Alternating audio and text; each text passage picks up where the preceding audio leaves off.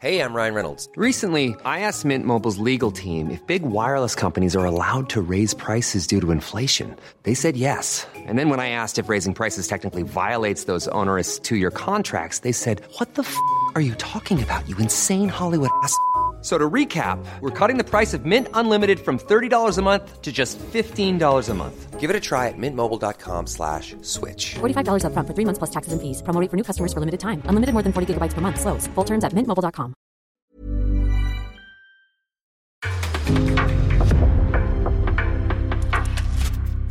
En podcast från Aftonbladet. In the supermarket, you have eggs class 1, class 2, class 3. And some are more expensive than others, and some give you better omelets. That's the wrong information. Wrong, wrong, wrong information. I didn't say that. That's the wrong information. Do you think I'm an idiot? Wrong, wrong, wrong information. Now look at me when I talk to you. Your job is to tell the truth. That's the wrong information. Sillypodden, Psyko Makoto i poddstudion. Eh, vi har eh, mängder, mängder, mängder att eh, gräva igenom. Massor med rykten. Vi har en smygfilmad Manchester United Executive, han är väl VD till och med. CEO. Richard Arnold. CEO. Ja, Det, det betyder, betyder väl VD? Ja det gör det. det gör det. tänker jag. Ehm, och vi kan väl börja där då, vi ska ju dessutom prata Arsenal och PSG och vi ska prata Barcelona och massa grejer. Chelsea måste vi prata också. Chelsea ska vi prata om. Manchester Ehm, City. Alla, alla möjliga. Ja. Eh, men vi börjar med Manchester United. Eh, de jagar Frenkie de Jong fortsatt, jagar massa annat, eh, bakslag på eh, Jurien Timber som man har eh, nästan räknat, nej, alltså man hade ju räknat in den bara för att det är eh, Ten Hag som eh, tränar laget och eh, de verkligen ville ha Jurien Timber och så vidare men så blev det inte vad det verkar. Ehm, ja, Nej. Sista ordet är väl inte sagt men ehm, Verkar som man ska förlänga istället med Ja. Ajax. Han, eh, han verkar inte jättesugen på att ta det här steget än. Jag tycker väl det känns som ett ganska moget beslut av honom om det är så. Att han inser att jag har haft en bra säsong i Ajax, han är fortfarande vad, 20 år gammal.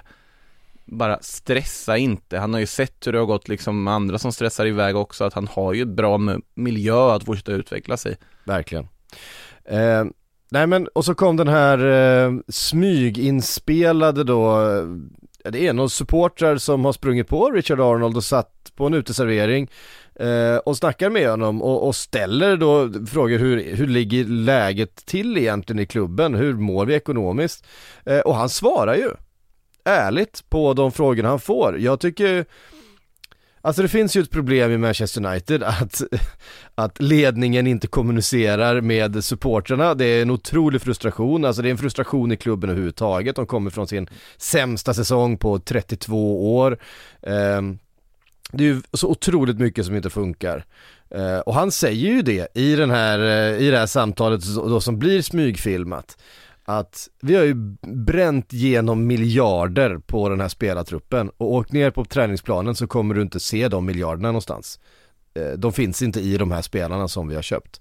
Eh, de, de har helt enkelt inte levererat och eh, miljön har inte funnits där för dem att, att leverera på det värdet och den potentialen som de har köpts in för. Eh, och vems fel det är, om det är fel spelare, om det är fel miljö, om det är fel tränare och så vidare, vad det nu beror på, det, det pratar de inte så mycket om, men det han säger är dessutom att mm, det finns det, finansiering för den här eh, tränaren, den här sportchefen som har kommit in nu, alltså för Ten Hag, det finns, han har fått alla pengar han eh, eh har bett om för att köpa spelare, vilket är, vi kommer till med Frenkie sen, för det är ett nytt bud på väg in vad det verkar. Eh, men för det andra, det som också behöver göras, Old Trafford behöver ju ses över. Eh, träningsanläggningen är inte på nivå med, eh, med de bästa konkurrenterna. Där har det ju liksom gjorts stora investeringar utav Manchester City, utav Liverpool och så vidare de senaste åren. Och han säger, de pengarna finns inte i klubben. För att vi ska kunna konkurrera med, eh, nu är ju Old Trafford stor och en stor inkomstbringande, så de behöver inte bygga ut Old Trafford, däremot skulle de behöva renovera vissa delar utav dem, de skulle behöva modernisera vissa delar utav den. Eh, men de pengarna finns inte. Eh, man kan inte fortsätta bara plöja, alltså eh, trycka in miljarder i en spelartrupp utan att man förr eller senare eh, måste dra i handbromsen och spelartruppen behöver ju fortsätta investeras i. Så att om det ska bli någon ny träningsanläggning, om det ska bli någon renovering utav, eh, utav eh, eh, Old Trafford och så vidare, då kommer det behövas externa investeringar. Det kommer behövas att någon annan kommer in med pengar eller att man tar ännu fler lån. De diskuterar ju då de här eh, lånen på 20 år som Tottenham fick för att bygga sin arena. Men om du ska gå till en bank och säga att ja, jag vill ta det här lånet, då måste du investera i någonting som banken ser, ja på sikt kommer det här ge, generera pengar eh, och de kommer kunna betala tillbaka det. En ny arena för Tottenham, ja den kommer ge så pass mycket intäkter att vi på 20 år ser att vi kommer kunna betala av det här lånet. Eh, den kalkylen, nu är ju Manchester United ett så pass stort varumärke, alltså eh, så inkomstbringande fotbollsklubb runt om i världen, att jag tror inte att det är några problem för dem att, eh, eh att ta ännu Om de vill ha ett lån kommer de få om, om de vill ha ett lån, men det är redan en ganska skuldsatt förening. Alltså de har haft de här eh, miljarderna i skuld sen Glazers kom in och de har aldrig amorterat på de, eh, de lånen som redan finns. De som de själva har belånat klubben vid eh, vid köpet. Eh, man har betalat räntorna på det, så ska man då eh, låna ytterligare pengar för att eh, bygga en eh, träningsanläggning för, ja vad nu Manchester Citys träningsanläggning kostade 2 miljarder, det kanske man inte behöver lägga på en träningsanläggning. Eh, men åtminstone kanske en, en och en halv miljard kanske en ny träningsanläggning kommer, eller om man vill bygga, om man vill utmana så kanske man måste lägga de här två miljarderna, jag vet inte. Eh, jag, jag vet, vi, vi, vi, ska nog inte gå in på liksom träningsanläggningskostnader och liksom. Nej, men det, men det är liksom så här, om Manchester United ska tillbaks där de var, som nummer ett i, i Storbritannien, som nummer ett i mm. England, mm. det är liksom, det någon, någon, annanstans kan inte ambitionen vara. Eh, då måste de göra de här investeringarna och då måste pengarna komma någon annanstans ifrån, är, är det han säger. Eh, och det var lite intressant, han, han sågar ju den egna truppen, han såg, sågar ju arbetet som har gjort de senaste åren eh, ganska till, rejält när han säger så här. Till att börja med så här, det är ju såklart, du var inne på det där med just att Alltså samtalen med supportrarna var öppen, det är sånt som ändå liksom på något sätt eftertraktar att, att liksom toppar i United ändå liksom når ut till supportrarna här, här svarar han ju på frågorna ja. när supporterna kommer Då, då måste frågor. jag säga Sen blir han smygfilmad ja, och, och den, och den aspekten, varför smygfilma då? Då kommer han ju aldrig göra det där igen Nej. Alltså jag tycker att det finns, det finns en aspekt och nu om man liksom bortser från faktumet om hur rätt eh, fel är att smygfilma och bara tar faktumet det han säger så är det ju helt uppenbara saker. Vi har ju pratat om det här i mm. den här podden och även i andra poddar tidigare liksom ganska mång, lång period om att problemet United har haft är att alla spelare som kommer till United tappar i värde. Vi har egentligen inte hittat någon spelare de senaste åren som ökar i värde av att komma till United. Det är ju det här som många andra klubbar har gjort så pass bra om man jämför med Manchester City där där kommer en spelare till City och så kommer de öka i transfervärde. Om de går till toppklubbar så gör man oftast det som spelare. I United, jag funderar på om det är någon spelare som egentligen ökat i transfervärde överhuvudtaget sedan de har gått till United de senaste åren. Nej jag kan inte Och då, då bortser vi alltså spelare som kommit upp från egna led, typ jag tänker Marcus Rashford och så vidare. Ja men det är en annan sak. Det, det bortser vi ifrån, men i övrigt så har ju spelare investerat i och sen har ju värdet på de här spelarna bara sjunkit när de kommer dit. Och det, då kan man ju också, som sagt, jag tror att allting hör ihop, på sätt. Du värvar fel spelare du har inte rätt miljö, du har inte haft rätt tränare. Mm. eh, Allting hör ihop, du har inte haft rätt ledning heller, du har inte haft rätt strategi och, har inte haft rätt ägare eh, som, som eh, inte, alltså det har inte funnits rätt eh, kultur i klubben.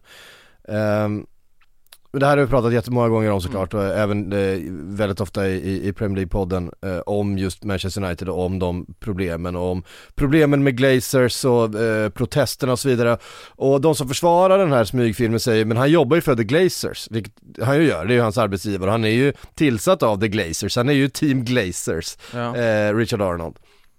Vilket gör att då spelar det ingen roll, då kan man aldrig göra rätt ändå. Och jag köper ju den liksom eh, eh, synpunkten också. The Glazers har varit en extremt dålig ägare utav Manchester United. Mm. Eh, sen de kom in, så de första, vad det nu var, åtta åren eh, som, som ägare, då höll ju Sir Alex Ferguson det här laget och den här eh, truppen under armarna genom sin briljans och genom sin kunskap och sin auktoritet mm. och sättet som han drev klubben på. Men därefter så har det ju inte funnits någon Sir Alex eh, och då har det blivit uppenbart vilka brister som finns i, i, i ledningen här.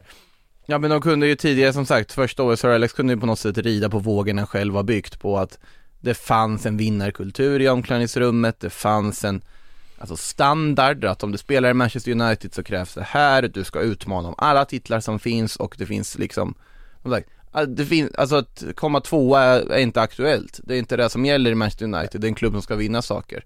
Och problemet är att den attityden och den inställningen finns ju inte riktigt i det här laget just nu, för den har ju alltså ristats bort genom de här åren. Mm. Och så blir det ju när varje värvning slår slint, när spelare överlag, alltså även sådana lyckade värvningar, jag tänker så Bruno Fernandes, skulle någon betala de pengarna som United betalar för honom då, idag, för honom?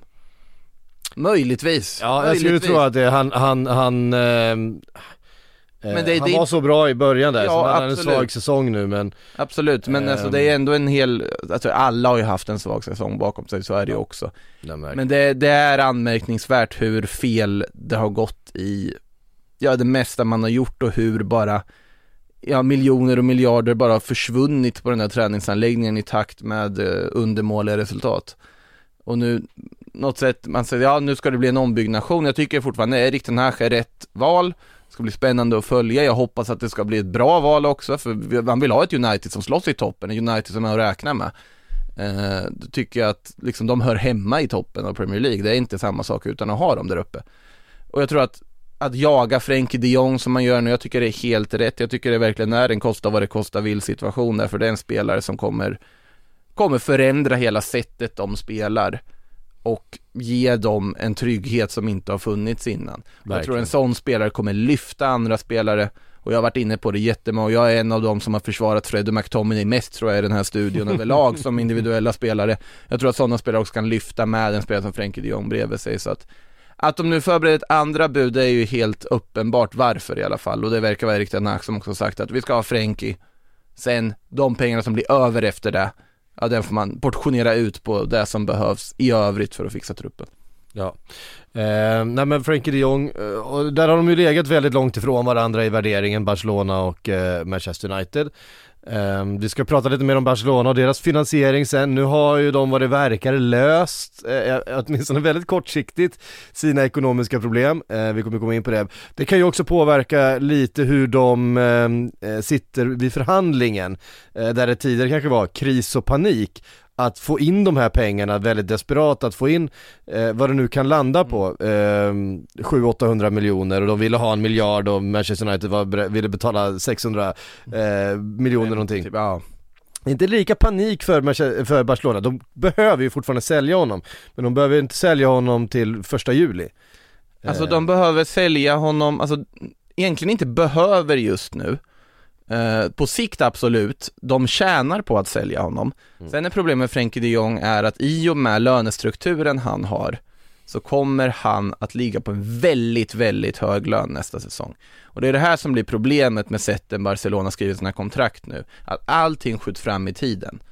Att du hamnar i situationer där spelarnas lön kommer att trissas upp per säsong i och med att de i princip spelar för volontärslön första året mm. i och med det ekonomiska krisläget allt det som görs nu, det är ju sånt som de måste göra på grund av att, ja, Bartomeu som var innan Laporta körde den här klubben i botten.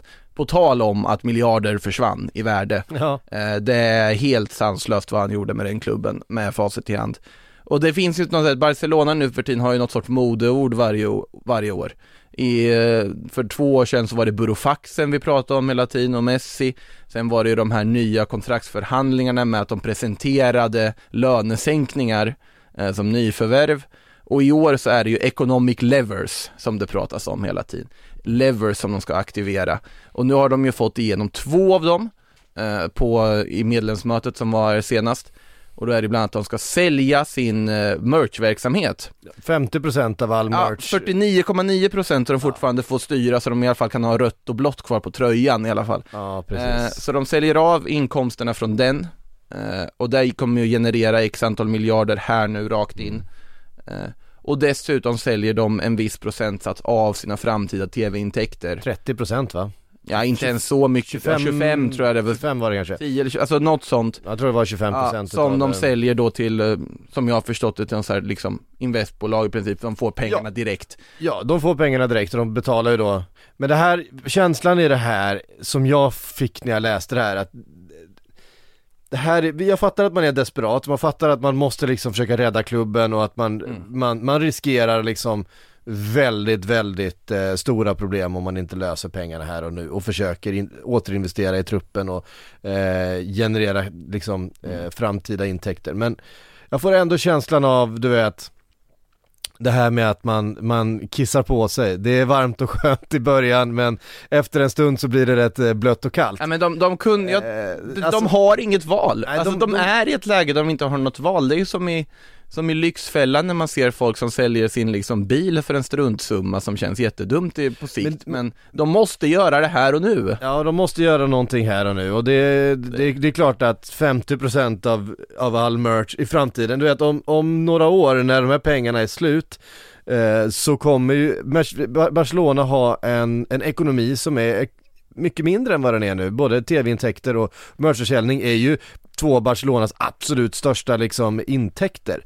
Eh, och Fast merch, n- anledningen till att de valde att just sälja en del av merchverksamheten har ju också att göra i att den har ju sjunkit i samband, alltså på senare tid. visst man har inte Man- Messi kvar och man har inte och så vidare som så- sålde mycket tröjor och, Och de har mycket. ett eget bolag, tidigare så var det ju via, via Nike som det fungerade på något sätt som det gick och de har ju haft något eget och det liksom har skjutit från sidan ut, utanför Nike där de då jobbar med det. Så att jag tycker i läget de är så var det här ett nödvändigt ont och eh, sen är det ju så här man kan absolut diskutera hur mycket man ska vara redo att investera i en spelartrupp i det här läget men samtidigt så blir det ju annars en ond spiral. För om inte Barcelona på plan gör resultat så kommer ekonomin fortsätta vara dålig. Att se till att ta sig långt i Champions League, att se till att utmana om titlar, där i sig genererar intäkt, där i sig genererar intresse och på så sätt är det viktigt att fortfarande behålla den statusen, att behålla en storklubbstatus.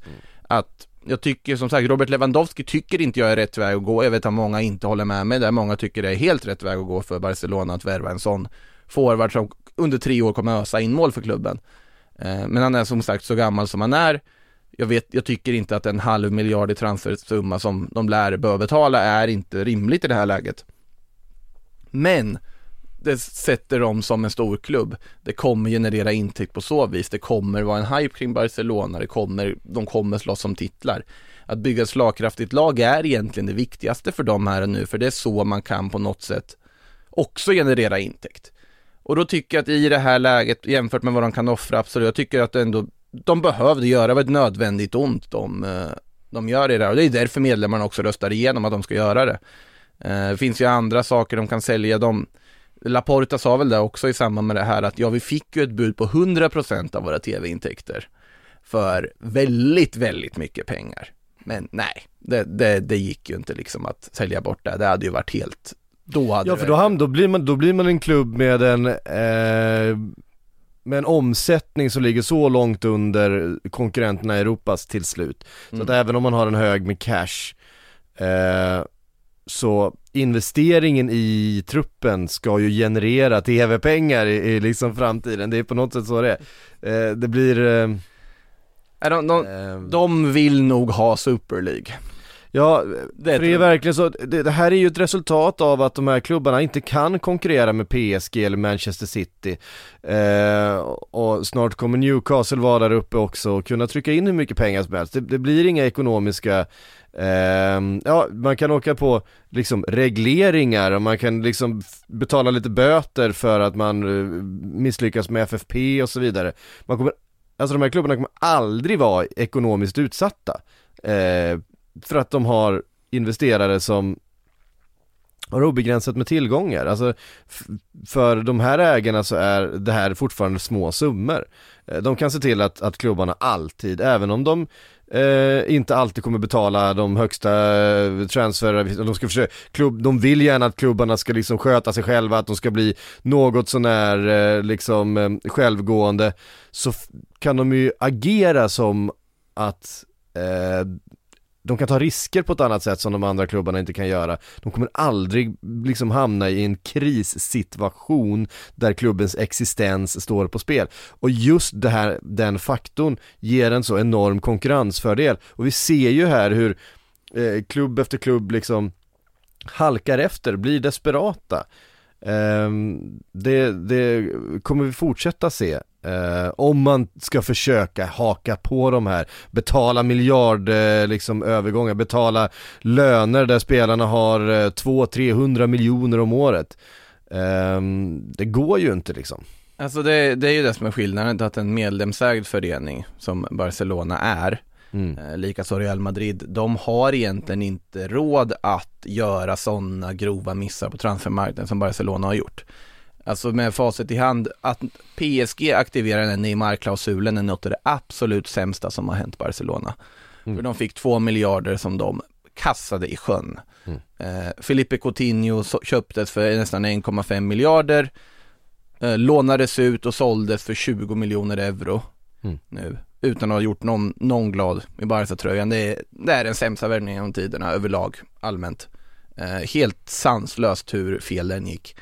Eh, Osman Dembélé köptes för över en miljard, lär av allt att tyda gå gratis nu. Eh, nu ska det sägas, för det kommer ju tvister i Osman Dembélé-sagan, att det verkar som att Xavi ändå vill att Barca-ledningen ska göra ett sista lilla, lilla försök nu att ändå förlänga med honom.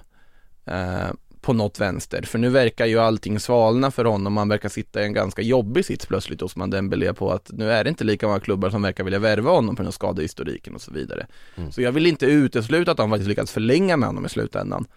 Ehm, på att, ja, PSG-spåret försvann, Chelsea-spåret såg hett ut, men nu verkar ju Chelsea gå för annat, kanske primärt, eh, på samma position. Och då kanske det inte blir Chelsea heller. Det är inte en stängd dörr där. Men då kan det mycket väl kunna bli så att han, ja men jag kanske stannar i Barca då. Och då är det en helt sanslös avslutning på den otroligt tröttsamma sagan som det har varit nu, och många vändningar hit och dit. Men det, det är ju det att de, liksom, värde bara försvinner. Värde bara försvinner. Och sen ska man ju då komma ihåg det här med, med lönerna är Lönerna alltså, är ju... Dels, dels så har ju liksom PSG, City och så vidare och, och ja men framförallt PSG får man säga, trissat upp eh, övergångssummorna till, till ett nya nivå, men också lönerna. Jag sitter och tittar på Manchester Uniteds löner, de skrev ju ny, eh, ett kontrakt med David de Gea där han alltså får 375 000 pund i veckan.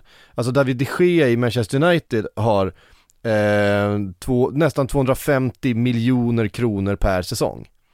Alltså de sitter med Dean Henderson med 100 000 pund i veckan.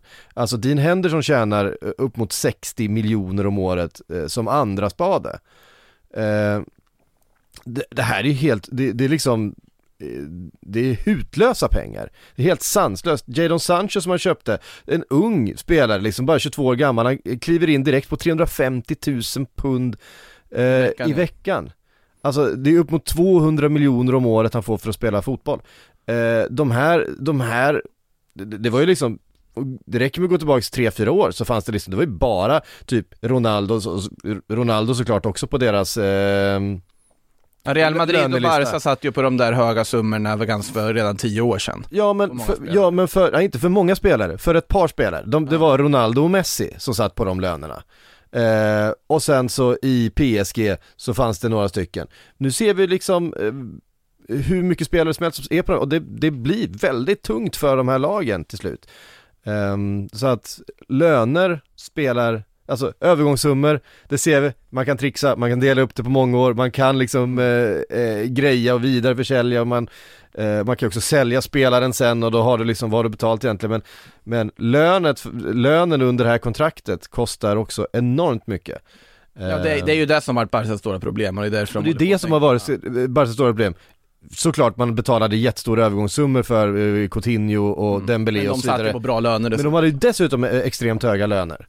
Ehm, så att det där är, ehm, ja men det är ett Ett problem. de kommer, alltså övriga klubbar kommer inte kunna hänga med i all evighet. Jag undrar vad de gör om tre år när alla de här kontrakten de har skrivit nu börjar liksom ticka upp. För jag tror inte spelarna bara går med på att spela för struntsummor hela sin kontraktsperiod. Och det är väl därför man vill se vissa spelare kanske ställa skorna på hyllan lite i förtid och sånt där som man inte behöver betala ut som Gerard Piqué till exempel. Som nog Barcelona-ledningen har varit väldigt glad om man bestämmer sig för att eh, ja, bara ställa skorna på hyllan istället och bestämma sig för att eh, fortsätta bara semestra i Sverige eller något istället som han väl nyligen gjorde. Mm. Just det. Ja, det var ju en, det var en historia också. Ja, verkligen. Ehm, vi går vidare tycker jag till eh, Arsenal. De har inte riktigt lika höga löner. De har också höga löner men eh, där tror jag eh, att jag var tvungen att ta fram det. Thomas Partey är bäst betald i, i Arsenal på 200 000 eh, pund i veckan. Alltså någonstans runt eh, 140 miljoner om året. Men han är också mm, eh, med ganska bred marginal Arsenals bäst betalda spelare idag. Eh, och jag vet att de är väldigt intresserade av att behålla sin lönestruktur ungefär intakt. Eh, för grejen är att när de Gea nu får 375 eh, tusen i veckan, ja då kommer Bruno Fernandes agent eh, kliva in ganska snart. Vilket Bruno Fernandes agent redan har gjort. Vilket Bruno Fernandes agent redan har gjort. Eh, kliva in och säga, jag vill nog ha något motsvarande. Vilket Eh, väl han väl också har fått. Har han fått det? Ja men Eh, han förlängde ju väldigt han, nyligen. han förlängde ju nyligen ja, Eh, jag har inte jag sett vet inte vad du sitter på, för jag ser ju bara liksom baksidan av din dator här så Ja. jag vet inte riktigt. Ehm, Vad du sitter och kikar för siffror. Är det transfermarkt månne? Nej det är Sporttrack Eh, Jag sitter och tittar på uh, ah, skitsamma, det är väl en eh, Han får pengar. han, han får också väldigt mycket pengar. Men eh, Manchester United har dragit på sig under de här eh, åren också enormt stora eh, lönekuvert. Så att, ja men okej, den här transfer funkar inte. Men då sitter man ju kvar på den här jättelönen. Nu är det ju rätt, alltså Bruno Fernandes är ju en spelare man ska bygga laget runt. Ja, ja, ja. Jag Alltså, tycker att det är deras bästa fotbollsspelare egentligen. Även om man hade en lite svagare säsong den här säsongen. Cristiano Ronaldo har ju en bra lön också. Ja, Cristiano Ronaldo är ju den som har högst lön. Han, Ja, det han har ju 500, vad var det, jag läste precis, en 520 Jag tror nog inte liksom Varann har någon struntsumma heller om man lyckas Ja, Han ligger, han ligger, han ligger där uppe också.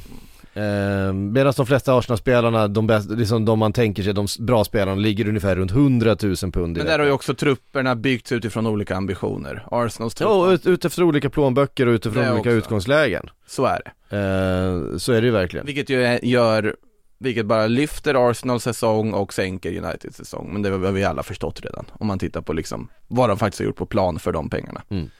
Men Arsenal på jakt efter eh, Lisandro Martinez, eh, bland annat då som Manchester United också nu jagar med tanke på att det inte blev något med Jurien Timber Stackars vad det verkar. Ajax. Ja, alltså alla vill ha Ajax eh, spelare och mm, ja, Lisandro Martinez är en väldigt spännande spelare det också. Jag vet inte riktigt vad Arsenal ska in där och peta för. Det känns som att det finns andra behov än att värva mittbackar. Mm. Tycker att eh, hellre hålla hårt i Gabriel, eh, ge Ben White fortsatt förtroende och sen se, på något sätt övertala William Saliba att eh, han kan vara med och slåss om en startplats. Att han inte vill tillbaka till Marseille och spela CL där istället. För det, det är en spelare de får tillbaka som en fransk, fransk landslagsman som mycket väl kan, som många har väntat på i Arsenal-lägret ska få sin chans och visa vad han kan. Så jag tror hellre att man ska satsa på typ Gabriel, ja, Gabriel White, eh, Saliba, sen ska vi inte glömma bort Tomias som kan spela mittback. Jag vet inte om man kan göra det i Premier League-sammanhang, men jag, för mig har han ju alltid varit en mittback primärt. Från tidigare när han spelade i japanska landslaget och så. Eh, så att där, du har ju bredd på den positionen. Alltså du har Rob Holding där också eh, som kan användas. Jag tycker inte det varför gå för Lisandro i det här läget? Jag förstår inte riktigt det. Lägg hellre pengarna på något annat. Nu finns det ju uppgifter, det, primärt i Arsenal, det kommer vi ju komma till ganska snart här nu, men det är ju att de faktiskt har gjort klart med en värvning. Ja, eh, det är nästa punkt på listan här och det är Vera. Ja, men, alltså, vart kom den ifrån? Alltså det var, det var från ingenstans bara dök det upp. Har ingenting, har ingenting med den Vera, Vera att göra utan nu pratar vi om Fabio Vera. Eh, och då eh, verkar det som att man då har gett upp Thielemans från eh, Leicester. Ja, precis, och det är det jag tycker är så konstigt, för Vera som pratar om här, det är ju en, en off, ganska kortvuxen, offensiv mittfältare, kreatör. Eh, nej, jag har inte sett jättemycket av Porto den här säsongen, utan jag utgår från vad man har läst om honom, ska sägas. Ja. Eh, för transparensens skull, men assistkontot han har från säsongen i, eh, alltså Liga Portugal säger väl det mesta egentligen om att det är en, det är en kreativ, spännande spelare. Eh, man betalar, alltså jag tycker portugisiska klubbar är så otroligt skickliga på att få transfersummor bara sådär från folk. Darwin Nunez gör en succésäsong, ah, Liverpool slår transferrekord. Ja, Fabio Vera, här har vi en kille som, har, som är duktig på att passa bollen och kreativ och, och så vidare. Ja men det, det, liksom, det blir inte ens några rykten, det bara till att börja med, ja de är överens och sen så kommer Porto ut med ett officiellt meddelande, så här mycket betalar Arsenal och då pratar vi ju närmare en halv miljard totalt med alla bonusar och allt. Otrolig effektivitet. Mm. Och sen så här dagen efter det, vi kommer till det också, PSG liksom värvar Vitinha från samma klubb, också 22 år, mittfältare, nästan samma pris. Så Porto liksom genererat närmare en miljard i transferintäkter bara på två liksom 22-åringar som de bara poff, och skickar vidare. Eh, imponerande, men i alla fall. Eh, Vera, alltså, jag ser inte att han ska gå in och börja starta matcher. Jag vet inte exakt liksom, det är ju inte den typen av spelare de behöver. De behöver ju en tvåvägs. Ja, det här är ju en, det här är en offensiv, en offensiv mittfältare. Det är, ju en det är det intrycket jag har fått av honom i alla fall, är att det är en offensiv mittfältare som kan, som absolut kan alltså, bidra med saker till den här truppen och, och ge understöd till Ödegård. Men de har ju både Martin Ödegård och Emil Smith Rowe eh, som är duktiga offensiva mittfältare. Och Vera kommer ju säkert göra sina minuter och göra det bra i Arsenal-tröjan, det är svårt att se annat. Men att det ska på något sätt utesluta Thielemann som ändå rapporterats om att de bara vill ha in en central mittfältare, då tycker jag de har gått fel väg. Eh, absolut, Vera yngre, kanske mer lovande, de har sett någonting i honom. Eh, så uppenbarligen har de gjort det eftersom att de snabbt då gjort klart med den här affären. Men det är ju mer en Thielemans typ som också har det defensiva liksom mer, mer Ja, men det, jag tycker också det finns ju, alltså Ödegård och Smith Rowe och så Ja, vidare exakt, på, de här, på den här positionen. Eh, så att, men Arteta har en plan i känslan. Jag tror att han har en, eh, vet inte om han vill gå och spela med två stycken åttor då, han tänker sig att, eh, alltså spela en 4-3-3 med Thomas Partey som, eh, som Ja. defensivt ankare. Behålla Xhaka också så att, att, ha, att ha Xhaka som, som backup till Partey, spela med, eh, ja men till exempel då eh, Vera och Ödegård ja. eller Smith Rowe och Vera eller Ödegård Mm. och så vidare. Ha de tre roterande på de där positionerna, låta Martinelli, eh, Saka, eh, ja vilka man har, ha på kanterna då och sen eh, Enketia, Enketia, kanske en ny striker. Gabriel Jesus ska ju fortfarande vara väldigt aktuell, sägs det. Det hade ju varit intressant att stoppa in Gabriel Jesus längst fram i, i det laget. Och då ser tycker jag att det ser mer rimligt ut om vi eh, ska ställa upp laget så istället för den här 4-2-3-1.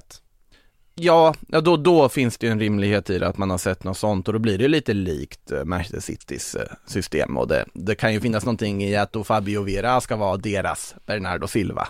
Ja. Den som liksom styr, alltså motorn på det där mittfältet som.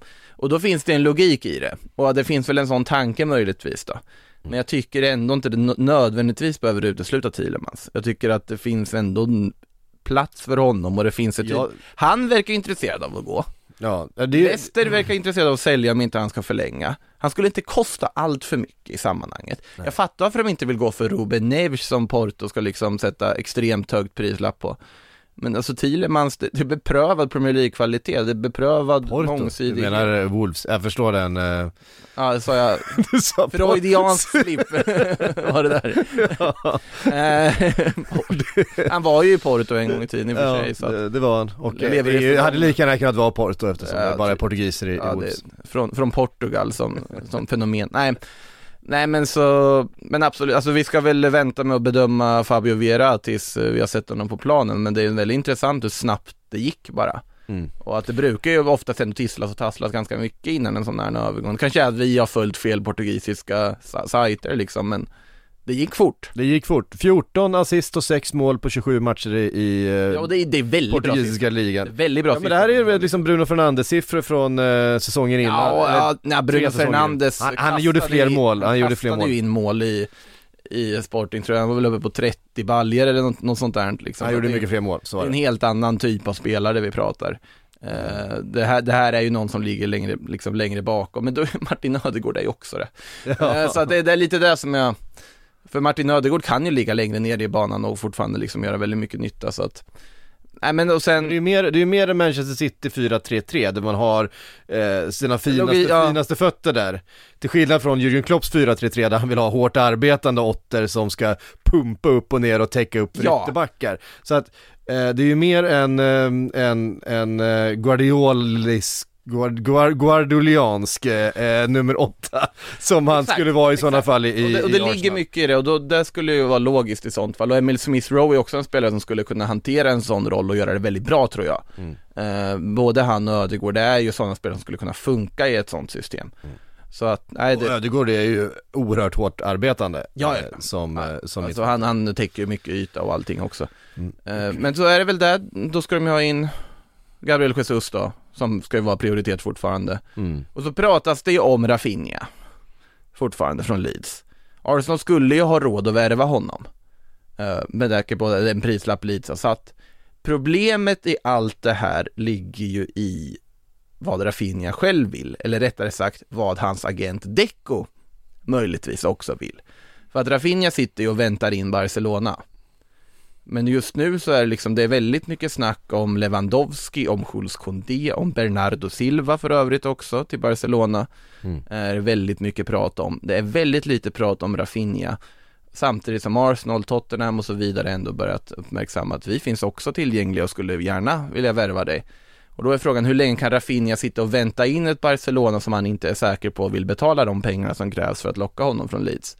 Eh, och hur mycket är det Deco som ser till att behålla Barcelona som frontrunners? Eh, då det ju är Deco som är Rafinhas agent. Det är en sak man kan fundera över. Ja, ehm, verkligen. Vi eh, rör oss en liten bit från Arsenal till Chelsea där det också händer grejer och det eh, handlar dels om eh, Romelu Lukaku på väg ut och å andra sidan Raheem Sterling på väg in.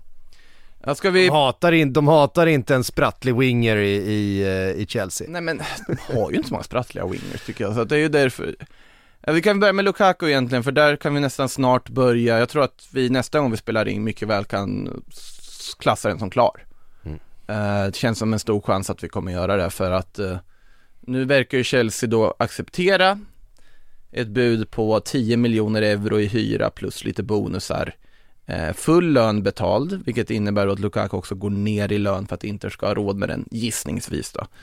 Eh, och att Inter då är redo att genomföra det här Lukaku vill ju såklart bort från Chelsea och till Inter och Chelsea ska vara redo att släppa honom också.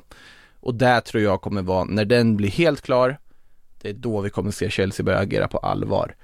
Uh, nu ska ju då Raheem Sterling visa sig vara, eller sägs ju vara då det stora alternativet som de, Tuchel vill ha som ytter. Jag tycker det är ett jättesmart lösning av dem, en jättesmart värvning av dem om de genomför den. Sterling verkar vara öppen för det, vi flyttar hem till London och liksom, han är ju från London i grunden. Ja. Eh, och av de Londonklubbar som finns att välja på så känns för Chelsea som den som är närmast att tampas om titlar nästa säsong.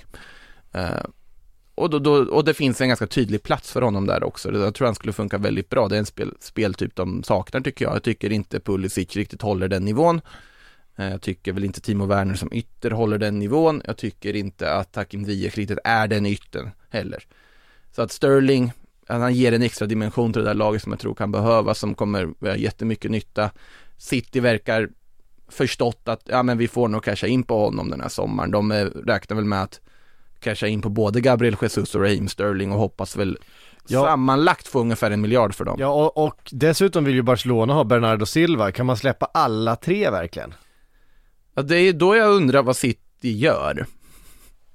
Eh, alltså, Gabriel Jesus Raheem Sterling kan du släppa så, bam. Och inte behöva ersätta med tanke på att då räknar jag in Julian Alvarez som att han ska tillhöra A-truppen och få speltid. Jag räknar att Haaland kommer ha den där platsen på topp och att du då kanske förlänger med Riyad Mahrez till exempel. Ja Eh, det måste man ju göra i sådana fall. Man har ju köpt in Jack Grealish eh, såklart som kanske får en större roll då eh, till vänster om Haaland. Ja, Eh, du har Foden tillgänglig också. mm. är väl inte helt otänkbart att man kanske ger sig in i den här Rafinha-leken också i sånt fall. Ifall det skulle behövas något där. Jag tycker det behövs någonting bredvid De Bruyne i sådana fall, men det är för att där har ju inte riktigt Foden spelat, inte Jack Grealish heller. Alltså i, alltså Bernardo Silva försvinner ja. om Bernardo Silva försvinner, jag ser inte riktigt att det finns en, en, eh, en rak ersättare till honom i, i truppen. Den som hade kunnat vara det är ju Frenkie de Jong. ja, det, så är det ju. Eh, Definitivt. Jag förstår faktiskt inte varför inte det har diskuterats, men jag tror att Barcelona, om de ska göra sig av med Frenkie, då vill de ha pengar rakt. Eh, för de behöver pengarna. Jag tror inte att det är aktuellt för Barca att göra det raka bytet Bernardo Silva mot Frenkie de Jong, som jag tycker hade varit ganska rimligt för båda parter liksom. Eh, de blir av med Frenkies lön, de får en min, fullgod ersättare minst sagt som vill spela för Barcelona och säkert är redo att gå ner lite i lön då för det. Och de kan skriva ett mer fördelaktigt kontrakt. För Frenkie sitter ju redan på 350 000 i veckan, det ska vi komma ihåg. När det pratas, vi pratade om det i Manchester United och deras väldigt höga löner redan. Ehm, Mm. Och Barcelona måste sänka sin löne, lönepost. Och de kan, de kan bokföra det på ett väldigt snyggt sätt om de säljer honom till City och sen köper in Bernardo Silva. Eh, jag, jag förstår inte, alltså, jag vet inte alltså varför Pep Guardiola inte skulle vilja ha Frenkie de Jong. Jag förstår inte varför det bara är United som han kopplas till. Så dålig har inte han varit den senaste säsongen. Och alla vet vilken, alltså det är en otroligt mångsidig mittfältare som kan göra otroligt nytt. Särskilt i det här City skulle jag vara jättespännande att se honom. Jag hade gärna tagit honom till Liverpool men, men de kommer inte betala den lönen. Eh, det tror jag är den stora grejen. Och då, och då är det också så här med tanke på att de ändå var ute efter Paul Pogba. Eh, Det var, det var ju, City var Mm. Ja, ju ute absolut, efter honom. ja. Det, det tyder ju på att de ändå har någon form av tanke att de kommer behöva värva en mittfältare. Och då är frågan om det är som ersättare för Gündogan eller om det är ersättare för Bernardo Silva eller vad det nu exakt är. Calvin Phillips pratas det ju mycket om och det tror jag att de kommer lösa förr eller senare. Det verkar som att Leeds bara sitter och väntar in ett bud på honom. Men, men, Men, där, det är ju mer en Fernandinho-ersättare. Ja, det är ju en Fernandinho-ersättare och en home, Må homegrown vara, ja men må så vara med tvåvägskompetens som vi faktiskt har sett i landslaget till exempel när han har spelat bredvid Declan Rice. Så jag tror att Calvin Phillips kan användas i en sån roll också. Inte riktigt samma typ som Bernardo Silva överhuvudtaget. Men på ett mittfält absolut tror jag han skulle kunna funka. Mm. Eh, inte, som sagt det blir ju lite annan stil på det men ah, Jag vet inte riktigt vad de andra, för det, vad det finns för andra mittfältare på marknaden tänker jag, för något måste de ju göra. De måste ju värva någonting om de ska tappa Sterling, Bernardo Silva och Gabriel Jesus. Då måste ju någonting komma in. Ja, Haaland har ju kommit in så där kan man ju se ersättaren till Gabriel Jesus på det sättet. Ja, och, och, om man- Julian om man var- om man- Alvarez om man- ersättare till Sterling. Julian, ja, och man var nästan lite övertalig i eh, antalet offensiva mittfältare. Vi såg Jack Grealish sitta mycket bänk under förra säsongen. Um, Riyad Mahrez också i perioder och, och alltså så här. Men det är ju eh, en del av också framgångsreceptet för City är just det där att du alltid ska ha konkurrens så att du måste leverera på absolut topp och att Guardiola ska kunna handplocka den här är i bäst form, han vill jag spela idag och att det verkligen är liksom en rotation, konstant rotation, en konstant pepprolett på topp. Och jag tror att man förlorar ju den aspekten som är en styrka hos City om du skulle bli av med så pass mycket spelare utan att liksom få in ersättare rent numerärt. Men det är som sagt, vi är väldigt tidigt på fönstret än, det spanska fönstret har inte ens öppnat än. Alltså det är det bara Premier League-fönstret som har öppnat och ändå är vi väldigt långt komna liksom. Men det har väl att göra med att säsongen börjar så pass tidigt, många vill ha på plats trupperna innan de ska iväg på försäsongsläger och åka till USA och promotas och allt vad det är. Så att det är ju mycket tidiga rörelser på marknaden just nu. Sen är det ju vissa saker som sitter och låser upp grejer. Tror- Vi måste flytta Lukaku, där kommer hända, innebära saker. Frenkie de Jong måste flyttas på eller någonting måste, måste vara en conclusion på Frenkie de Jong historien. Där kommer lösa upp knutar. Ehm, ja, det, som sagt, vi får se vad som händer, men City tror jag absolut inte är klara. Men det kan vara så att det kanske inte räcker med att plocka Calvin Phillips och Marco Correa som, är, som det pratas om primärt just nu. Just det. Eh, Vi tar pipelinen då, från City till PSG. Ehm, där det också händer grejer, Eh, framförallt på tränarpositionen då, Pochettino ut, det vi har vi redan eh, Han har väl inte, han, han, Han har, inte, han, har inte, han har inte formellt sett blivit sparkad än, men där har ju kommit otroligt trovärdiga uppgifter om att Ja. de är överens ja, ja, om den här settlement då för, det, för hans kontrakt. Eh, och eh, uppges nu också vara överens med Nice om att köpa loss Christophe Galtier. Eh, som vi var inne på förra, förra veckan, det är en, eh, det, är, det är ju en chansning liksom. Jag gillar Galtier, det gör jag, men eh, som sagt, vi var inne på det förra veckan att PSG är ju lite mer en semesterort än en fotbollsklubb. Samtidigt så är PSG en klubb som också aspirerar på att vara Real Madrid. Eller vara Real Madrid som de var förr, det vill säga typ imperiet i Star Wars. Det är ju där de vill vara, de vill vara störst, mäktigast, eh, mest fruktade. Eh, Det är ju ganska roligt med de uppgifterna som kom i Spanien här nu i samband med Vinicius eh, annalkande kontraktsförlängning i Real Madrid. Han ska ju få ett nytt kontrakt och det var väl, bland annat Fabrizio Romano varit ute och skrivit det att han, det är klart han får en kontraktsförlängning, rejäl boost i lön och den här klassiska utköpsklausulen på 10 miljarder som man lägger till. Eh, den som man lägger till på alla spelare som man absolut inte tänker sälja.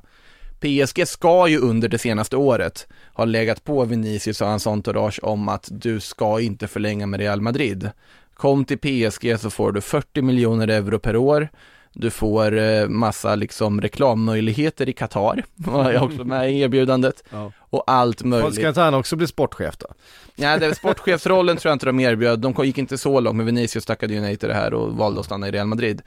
Men det är ju väldigt roligt med tanke på att PSG har ju varit förbannade på Real Madrid hur de har pushat på Kylian Mbappé att han inte ska, för, eller att han inte ska förlänga med PSG liksom och förhandlat bakom ryggen och så vidare.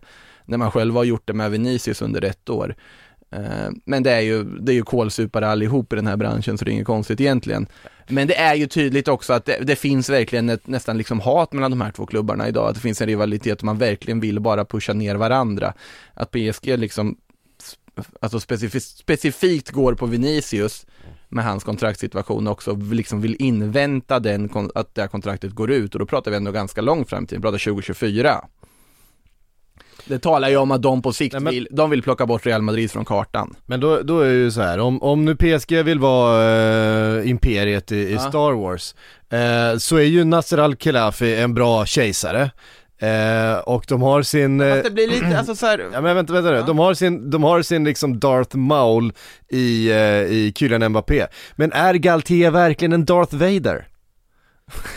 De behöver ju, de, behö, de behöver Nej, ju ett nej, jävla men- överhuvud här det De jag menar ju- är att jag tycker Nas, det här är problemet, det, för mig är liksom den ultimata liksom kejsaren i Star Wars, det är ju Florentino Perez. Jag vet, han är ju bäst, Ja, men om PSG Nas, nu Nasser blir som en sån här liksom, liksom, liksom karaktär de har kastat in i någon av de här senare Disney-filmerna. Nej, men jag kan liksom- köpa, men jag kan se Nasser som en, en, eh, eh, ja men the, the evil Han för- overlord han liksom är för impulsiv. Han är för impulsiv, han blir en, han blir som den här, eh, jag vet inte, har du sett Star Wars 7, 8, 9, de här Disney? Nej, ja, det herregud Nej, det finns någon karaktär där som verkar vara någon sorts ont överhuvud i alla fall och som eh, visar sig bara vara någon sorts sidokaraktär som de inte riktigt hade någon skript för. Uh, det är Nasser för mig. Jag har, sett, jag, jag har sett de tre gamla och sen den med Jar Jar Binks och där, eh, där, där, där tog tålamodet slut kan jag säga Nej, de, jag tycker det finns något otroligt charmigt med episod 1, 2, 3, men det är nostalgin som talar. Men i alla fall, för mig, Na- Nasser är, har inte den liksom auktoriteten att vara det. Nej. Han är för impulsiv, det är för liksom, det blir lite serietidning över honom, han känns inte som att han riktigt har ett manus. Eh, Men alltså det skulle inte alls förvåna mig om Florentino Perez faktiskt kan skjuta blixtar med fingrarna så, Exakt, mot, fo- exakt. mot, mot folk han Ja, inte gillar Och, och, det- liksom, han är ju den ultimata liksom, imperiechefen, det blir nästan så konstigt för Real Madrid har ju alltid varit det här laget alla andra som är liksom eh, You hate us because you ain't us, liksom, det är ju det. Är ju det. Ja. Eh, och PSG vill ju bli det, men jag tycker inte de är på rätt väg. Nu går de ju en väldigt sund sund och portugisisk eh, sportplaneringsväg fram, framåt här verkar det som. Alltså Vitinha-värvningen kom ju också från ingenstans. Ja, Den ska ju och- vara klar. Och Renato Sanchez pratas det om nu Ja, för eh, precis, de vill ju, verkar vilja ha ännu en mittfältare, de vill ha ännu en portugisisk mittfältare. Vitinha är ju mer en sittande mittfältare och jag tycker de behöver en sån. Och det verkar ju varit då att Luis Campos, då sportchefen, ska ha identifierat att ja men vi behöver mer kvalitet på mittfältet bredvid Marco Verratti, för det är han som liksom bär hela mittfältet Så är det bredvid ju. han på något sätt. Eh, och Vitinha in då, och Renato Sanchez är ju en supervärvning tycker jag. Man vet att han levererar i ligan. Eh, han verkar ju nu vara ganska sugen ändå på att kunna tänka sig PSG. PSG kan erbjuda mer i lön och kan erbjuda mer i transfersumma till Lille. Även om Renato Sanchez då var lite på väg till Milan, för Milan har ju väldigt gärna velat värva honom.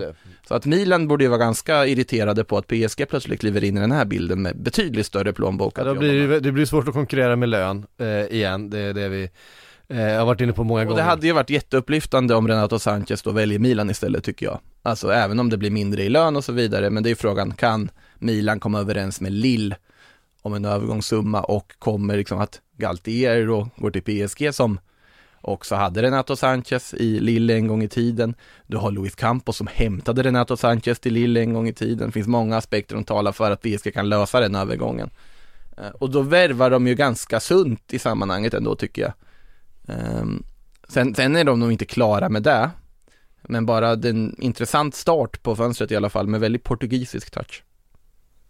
Ja, eh, det är mycket portugisiskt överhuvudtaget runt Det, om i... de är så bra på att sälja. Ja, de är fantastiska. Sitter och väntar på att det kommer rykten om att Gonzalo Ramos där från eh, nästa unga Benfica forward ska värvas för massa miljarder också. Kommer säkert förr eller senare. Rykten om det med.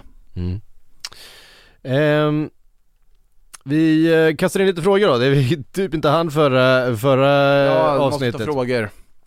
Eh, det måste vi göra. Eh, Erifin skriver Spurs alla överflödiga mittfältare, vart ska de ta vägen? Blir det någon kvar? Glöm inte Pape. Ehm, ja, så, så skriver han. Ja, det, det är klart att när Betancourt har kommit in, Kulusevski har kommit in, man har nu värvat Bissouma Eh, officiell ska Bis- vi säga. Bissouma, Bissouma är officiellt klar, Mm. eh, honom pratade vi om en del i förra avsnittet. Eh, så det är klart att det finns några spelare där som kanske inte eh, ja, har någon speltid kvar. Eh, spelare som kanske inte heller har levererat de senaste åren. Och frågan är, det, borde, det- det, känns som sådana här spelare som Visserligen kanske det sitter på lite hög lön för en nykomling att eh, punga ut men eh, Försöker du skicka Gio Lo Celso och en Dombele till typ Nottingham nu? Nej men inte till, ja, nej, de, Nej. det är för mycket pengar. Nej inte just, inte, inte, inte just dem. Nej det är ju de två jag tänker som är de stora de behöver hantera. Ja, Som är lite för dyra för att bara lite nöta på en bänk. Bara låt Gio Lo Celso hänga kvar i Villarreal tycker jag. Om det går på något sätt att lösa för alla parter. Jag vill ha kvar honom i La Liga. Jag tycker en, jag tycker det är faktiskt synd att han inte fick mer att han lyckades bättre än vad han gjorde i Tottenham-tröjan i Premier League för jag tycker det är en väldigt skicklig, duktig mittfältare. Jag gillar honom i alla fall. Eh, Ndombele, ja det, det har vi pratat om många gånger vad, hur fel det gick för honom i Spurs-tröjan. Tror inte riktigt att han kanske kan bli kvar i Lyon. Lyon har i och för sig en köpoption på honom, mm. väldigt hög sådan. Men jag tänker mig spontant att ett återlån är väl inte helt otänkbart utan att ha läst jättemycket om Ndombeles situation. Det har varit väldigt tyst om den. Eh, Om det inte är så att han fortfarande är utlånad till och med. Det har jag faktiskt inte riktigt koll på. Eh, måste jag ärligt talat säga. Och så är det Harry Winks. Harry Winks ja, eh, Oliver Skip. Skip har de förlängde de med nyligen, han kommer Mm. nog ingå i den här truppen även nästa säsong och det tycker jag väl är helt rätt. Eh, så då har de ju Skip, Höjbjerg, Bentancourt. Snackas ju lite, snackas ju lite Everton om Harry Winks. Det hade ju varit, ett, det hade varit väldigt bra för Everton. Frågan är, de har ju inte så mycket pengar att röra sig med. Det, det snackas om 20 miljoner pund för Harry Winks. Eh, är han själv sugen på att... eh, Är han värd 20 miljoner pund idag? Ja, det kan jag väl tycka. Jag tycker ändå att Harry, Harry Winks har varit ganska bra. Han har varit väldigt bra i Jo, han perioder. 20, men alltså, jag menar snarare att alltså, värdering borde ju ligga någonstans där, men finns det någon klubb som betalar 20 miljoner euro, eller för, ja. Everton. Vågar de värva mittfältare från Tottenham igen? Ehm, Efter att ha värvat uh, Dele Alli i och för sig måste vara gratis värvat Dele Alli med massa bonusar. Väldigt konstig övergångssumma på den övergången. Mm. Eh. Tycker synd om Dele Alli att det har gått så fel som det gjort också men eh, Ja, jag tror Harry Winks ja. Varför inte? Hur mycket spelade han förra säsongen? Eh, Harry Winks, han spelade 19 Premier League-matcher, eh, en assist, spelade en del, ja, lite FA-cup och lite eh, ligacup och så vidare, lite Conference League Harry men Winks ser man ju ändå göra en flytt i någon han var ju given, han var ju fan en, eh, Ja, man skulle, alltså gå tillbaks ett par tre år så skulle man ju bygga liksom mittfältet runt Harry Winks var ju känslan i alla fall jag hade. Eh, där är man ju inte längre och Fanns bara plats för en Harry i slutändan. eh, gjorde ju det. Eh, Ehm, och sådär, nej men det, det finns gott om spelare som, men det verkar som att man vill satsa på Skip då Ja, alltså Skip har de ju förlängt med som sagt och jag tror att han mer kan acceptera en rotationsroll. Alltså Winks vill nog liksom väcka lite liv på sin karriär igen och komma igång och Alltså så här, Everton det låter ju väldigt rimligt men det känns otroligt bara tråkigt och trött på något sätt. Eh, Winks har två år kvar på kontraktet, han är 26 år gammal nu, Få igenom en flytt, ja. Kanske. Jag Ja. tror att han kommer röra sig Det, inom det, snackas om, det snackas om Everton. Ehm, Och ehm, ja, Goodison News eh, uppdaterade för tre timmar sedan. Någon, någon Evertons, eh, Evertonske supporter eh, ryktessida. Brighton. Ehm, de är väldigt skeptiska kan jag säga till den här värvningen. Ehm, Ja men den är ju trött. den är ju trött, Alltså, den är jag, ju väldigt Tottenham, alltså, eller vad säger jag, den är ju väldigt Everton. De tar ju det trötta, det jag trötta men- spelare från, eh, från storklubbar. Det är ju det är precis det jag menar och det är inte den vägen de ska gå riktigt kanske. Jag Nej. tror Harry Winks kan absolut göra massa nytta för något lag han går till, men jag tror inte Everton är rätt miljö att gå till då. Nej. Det här är ju Fabian Delf från, eh, från Manchester City all over again. Ung och piggare Fabian Delf. Ja, eh, vi tar eh, fler frågor. Vi har fått en eh, från Jakob Ingesson. I och med bristen på defensiva mittfältare på marknaden och Uniteds inkompetens i stort under transferfönstret eh, är det under Ten Hag Lindelöf får axla rollen som defensiv mittfältare eller tror ni de kommer lyckas få in någon? Jag tror de kommer att, eh, de ser nog Frenkie de Jong som mittfältaren som ska in och ehm, Och återigen, jag tror man räknar med Fred och McTominay att Ska använda kunna dem. rotera på, på Ja. den positionen. För att Alltså, de är här- lite olika speltyper ska ju sägas. Ja, eh, det är väl framförallt McTominay eh, McTominay primärt som kommer att, det gissar jag på. För att Ten Hag spelar ju, eller har ju framförallt spelat, han har ju eh, spelat lite olika system men, men han är ju i, i grunden en 4-3-3 tränare, alltså Guardiolas liksom eh, style eh, med en renodlad defensiv och två liksom kreativa mittfältare Mm. framför. Ehm, och Frenkie skulle ju så inte gå in i, i den sittande rollen utan han skulle vara en av de två åttorna framför, alltså Ja, Eh, kanske skulle vara Bruno Fernandes och Frenkie de Jong är ju ett alldeles utmärkt par Mm. a- att ha på de två positionerna. och sen ha då antingen att du har Fred som går omkring och bara vinner boll och täcker yta eller att du har McTominay som är lite mer sittande. Jag tror att båda de ingår i planerna. Ja. Jag har svårt att se annat. Då kan man ju ändå argumentera för absolut, man har tappat Nemanja Matic och då kanske du behöver liksom rent numerärt en ersättare till på mittfältet. Eh, och du har tappat Pogba, och Frenkie de Jong får väl ses som Pogbas ersättare. Alltså bara enkelt. Ja. Och det ger en annan typ av spel, det ger en annan typ av trygghet i, för United här och nu. Då kanske Matic behöver en ersättare, men då tror jag inte vi kommer få någon liksom top notch Nej det är klart, det, mittfältare. alltså det är klart att Manchester United hade velat värva Calvin Phillips. Eh, de hade velat värva Declan Rice Ja. om det hade funnits tillgäng- tillgängligt. Men det är som man säger i frågan här, det är ju brist på defensiva, eh, Bissoma hade det kunnat vara också, men nu har ju Tottenham skrivit Ruben Neves har det ju pratats mycket om.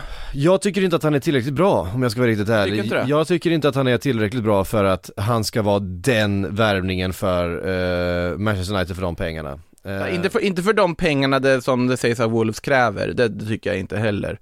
Och inte om de värvar Frenkie de Jong till det, utan då, men om Alltså jag kan, skulle inte förvånas om de värvar typ så här Ibrahima Sangare för typ 300 miljoner Från PSV mm, eh, Alltså verkligen en så här bollvinnande typ, en defensiv stoppkloss mm. Att de plockar en sån, säg liksom eh, Vet inte varför inte prata om liksom typ Seko Fofana från Lens Mm. Alltså en sån spelare, eller Sheikh Doucouré i Lens också för den delen, alltså någon form av så här, ja, antingen någon bollvinnande mittfältare från ligan eller någon från Eredivisie eller vad som helst, Nå- någon liksom stoppkloss som de kan använda och ställa in där, kanske inte den som man kanske ska bygga liksom mittfältet kring, men någon spelare som inte kostar för mycket men som har i bra ålder, kan utvecklas.